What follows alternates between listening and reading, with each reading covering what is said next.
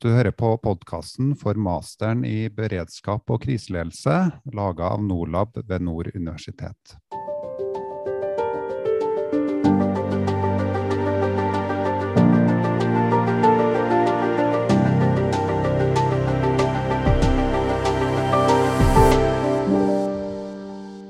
Og i dag, eh, eller i denne episoden her, skal vi snakke om eh, bl.a. krypende kriser. Men jeg har med meg her eh, Gunhild Sætren eh, fortsatt. Hei, Gunhild. Hei, Jonas. Veldig trivelig fremdeles. Og selvfølgelig kanskje et av de mest spennende temaene, syns jeg. da. Dette syns jeg er midt i blinken.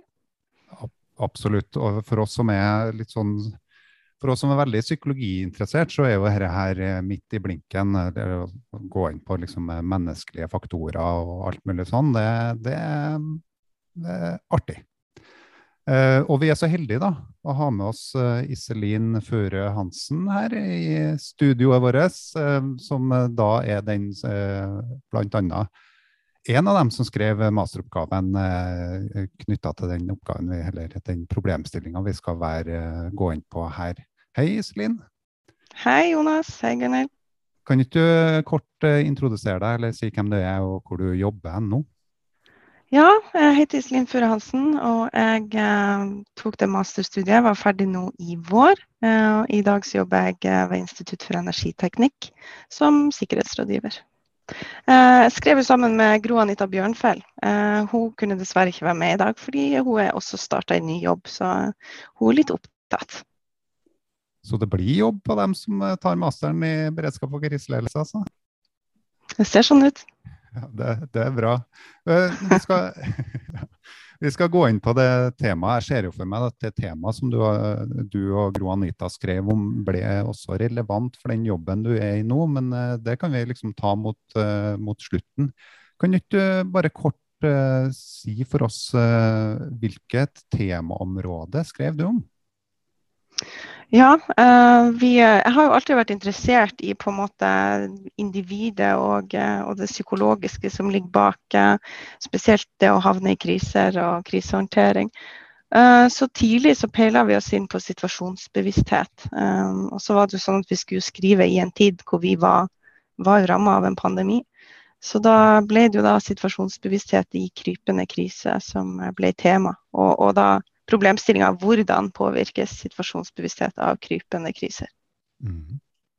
I forrige podkast så, så, så, var vi innpå litt av det samme type tematikken. Du har ikke hørt den her, Iselin, men i de masterstudentene som snakka om, uh, om, sin oppgave da, snakka også, var til dels også innpå temaet om det å være bevisst om eh, egentlig problemstillinga knytta til sikkerhet.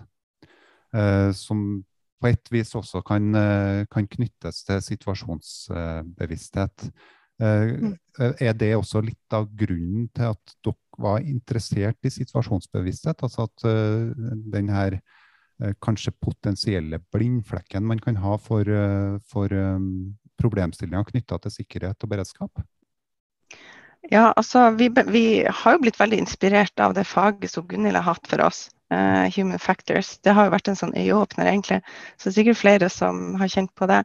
Uh, jeg har vært veldig fascinert av kognitiv dissonans.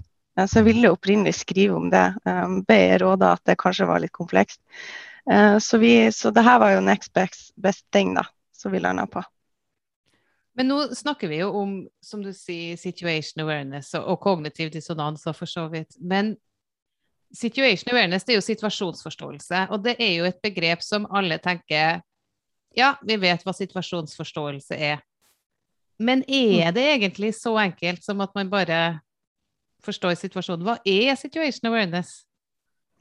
Ja, altså det, det, det er jo veldig mye den tilbakemeldinga jeg får, at, at det, det jeg snakker om er litt sånn selvfølge. Men når du går ned i materien i det, så er det jo komplekst. Eh, fordi at eh, du, situasjonsbevissthet deler vi jo inn i tre eh, ulike faser. Eh, så situasjonsoppfattelse, da, da, snakker vi om persepsjon av elementer i omgivelsene. og Da tar vi utgangspunkt i Ensley sin teori fra 1995, som på en måte er den mest brukte og, og mest anerkjente vil jeg si, teorien innenfor feltet. Du skal fange opp uh, ulike signaler som er relevant for den situasjonen du står i. Uh, og så skal du da danne forståelse av dette som er nivå to, situasjonsforståelse.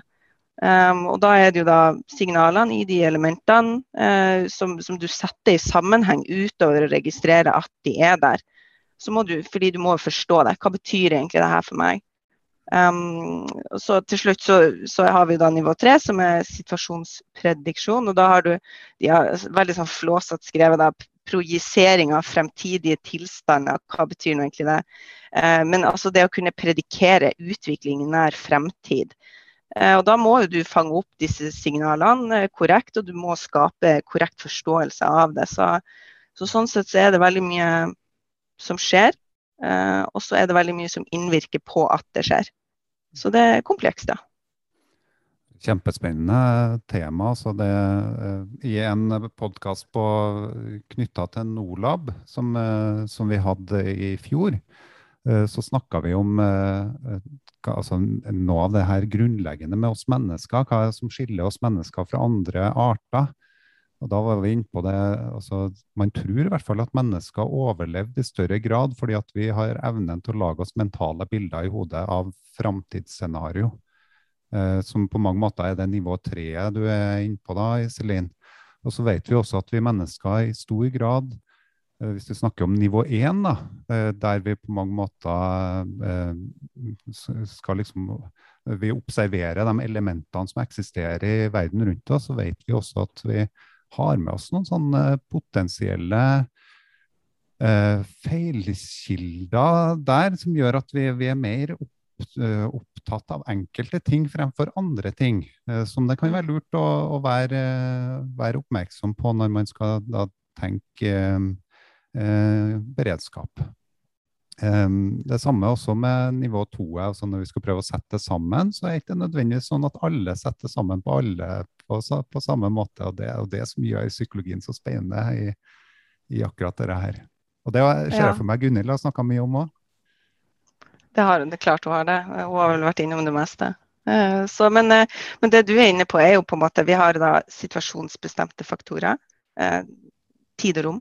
Så har vi individuelle faktorer, som du først nevnte, disse mentale modellene. Og da er det jo ens evne til å kunne utvikle mentale modeller. Så en ekspert han vil ha mer, eh, kan prosessere mer i langtidsminnet, mens en nybegynner, student f.eks. Eh, vi, vi må bruke arbeidsminnet mer aktivt når vi skal på en måte problemløse ting. Og Da har vi kanskje ikke så mye kapasitet, og da gjør vi også lettere feil. Eh, så, så persepsjon er jo også en del av de individuelle faktorene. Så, så erfaring og opp mot hvordan du tolker eh, de situasjonsbestemte faktorene tid og rom. Det, det, det, er stor forskjell på hva man gjør, og, og, det ser vi veldig tydelig, og det så vi også i masteroppgaven vår. Mm. Men noe av det mest spennende tenker jeg fra masteroppgaven deres, var jo kanskje konteksten dere jobba i. For ja. hva var det dere undersøkte denne situasjonsforståelsen hos? Ja. Eh, på det tidspunktet der så jobba jeg i sykehjemsetaten i Oslo kommune. Og de eh, var jo da plassert i episenteret av pandemien i mars 2020 i Oslo. Eh, sånn at eh, de er jo da Norges største drifter av heldøgns helse- og omsorgstjeneste.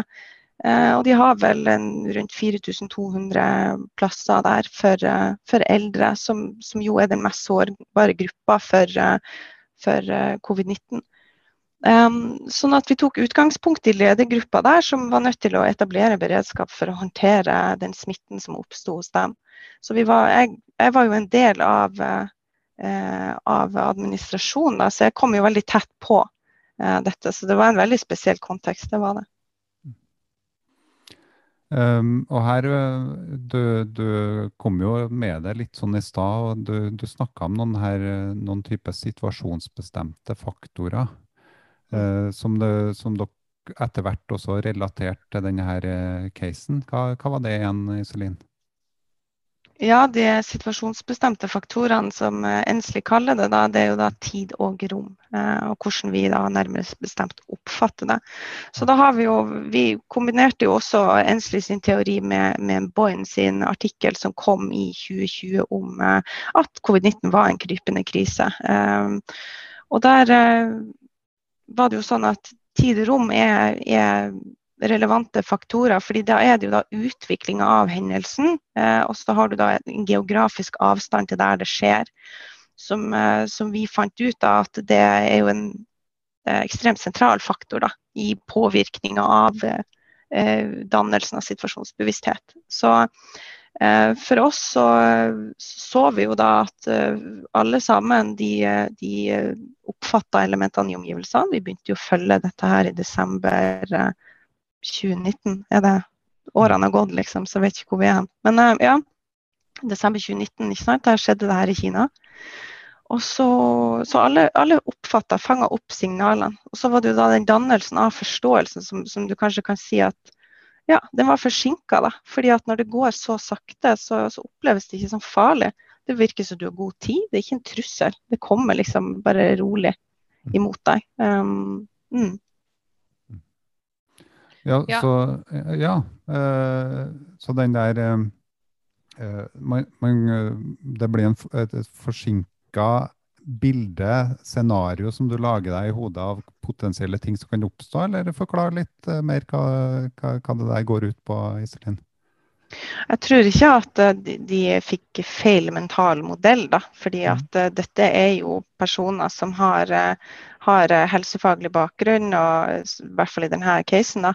Mm. men, men det, jeg tenker at det går veldig mye på at man tror man har bedre tid enn man har. Mm.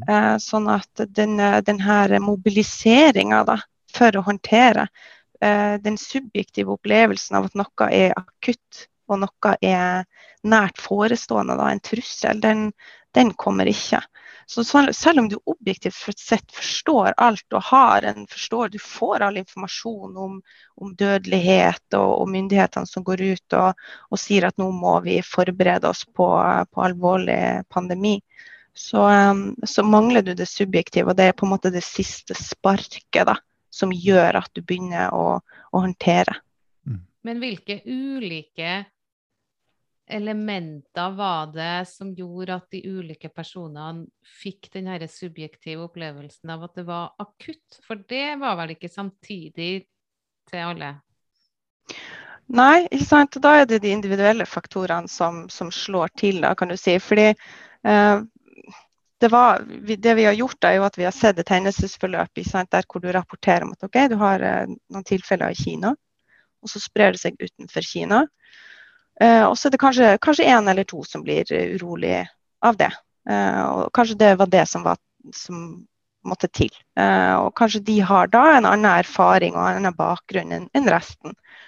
Og så får vi tilfeller i Italia, og så er det flere som begynner å bli urolig. Sånn at det du ser at når, når krisen kommer geografisk nærmere, så er det akkurat som et brytningspunkt. Da. Og så virker det som om de føler at nå fikk jeg dårlig tid.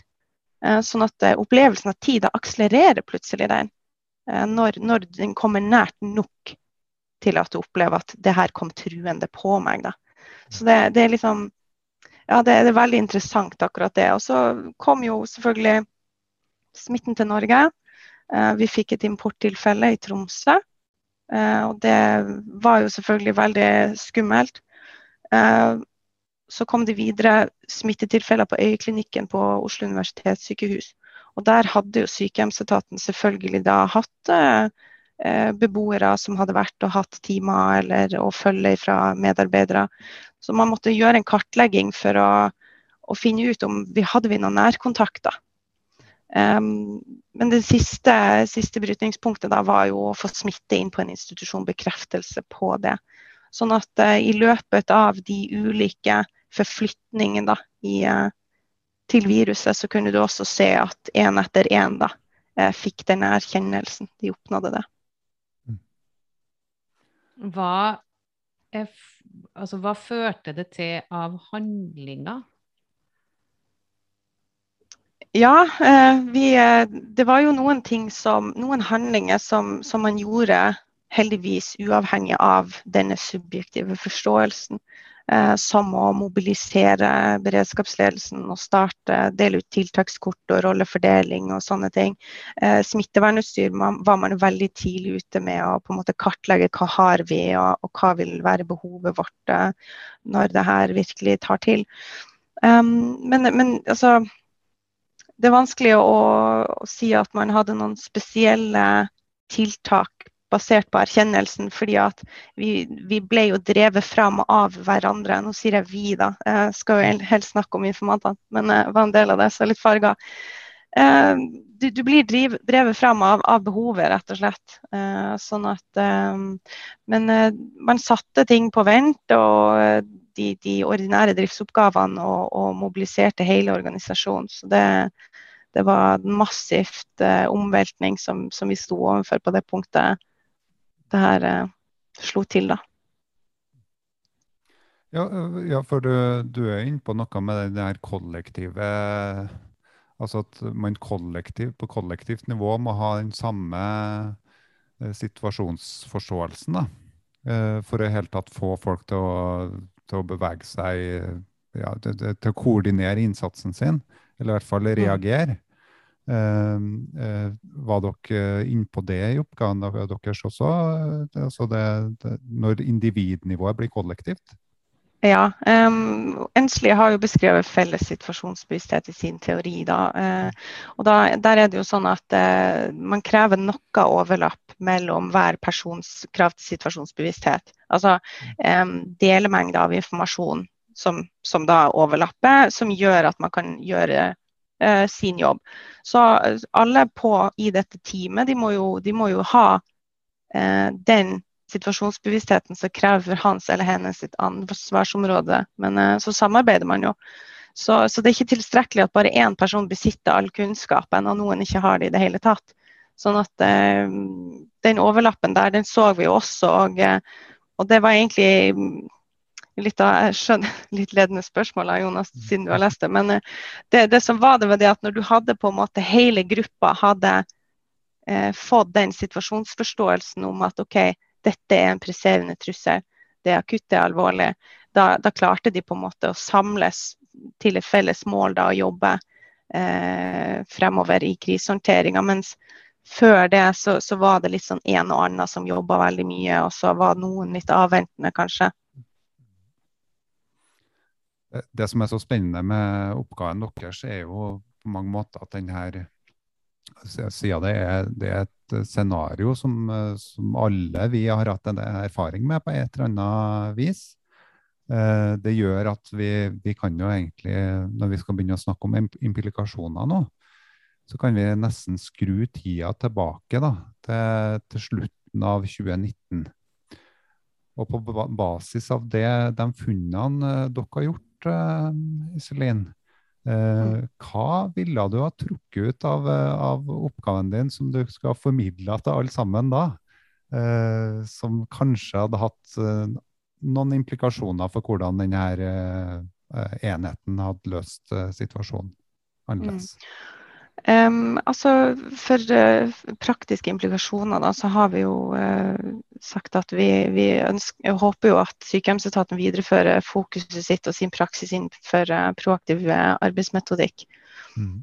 fordi at det som er viktig, er jo på en måte å, å, å lage, legge til rette for et system der du på en måte har objektive faktorer. og da som, altså um, det jeg vet da, som sykehjemsstaten gjør i dag, de reviderer sin pandemiplan, er jo at de eh, sier at hvis eh, Verdens helseorganisasjon går ut og sier at eh, dette hendelsen er en PAIC, altså Public Health Emergency of International Concern, så skal vi starte å jobbe.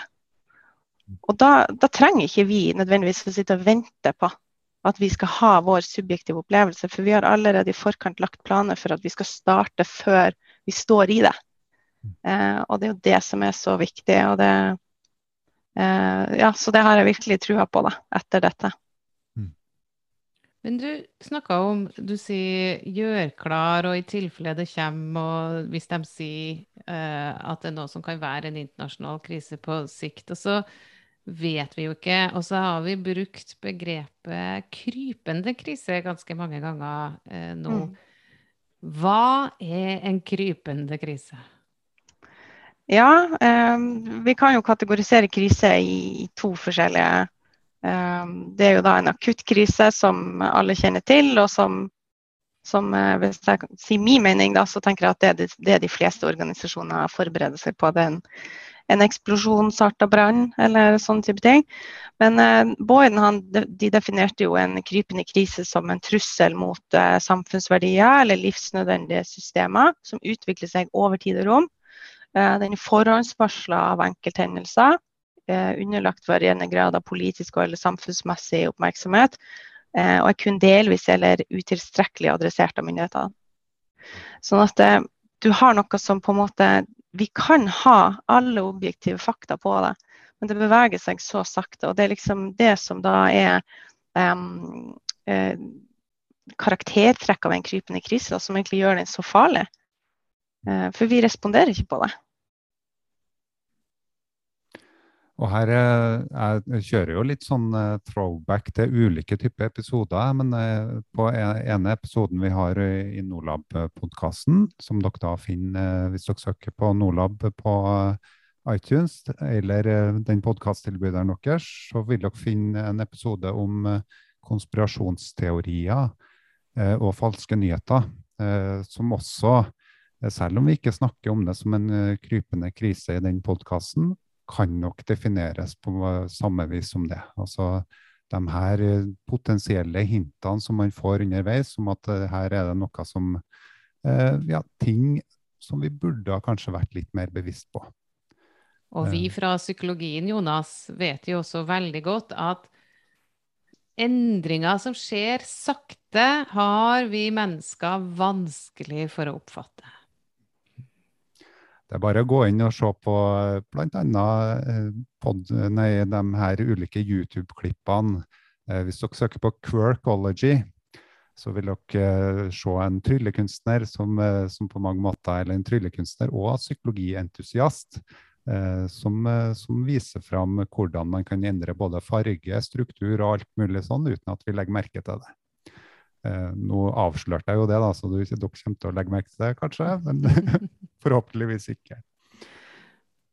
Tusen takk for at du stilte opp i podkasten, Iselin. Og takk også til Gro Anita, som da har gitt dette bidraget i, som masteroppgave til masteren i beredskap og kriseledelse.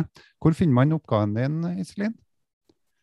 Eh, godt spørsmål. Eh, nå for tida er den vel inne til Språkvask, en artikkel som, eh, som eh, vi sammen eh, skal eh, få publisert. Så det har jeg egentlig ikke noe godt svar på ennå. Den kommer, og det, det, skal vi passe på å lage en ekstra episode av når, det, når den er ute.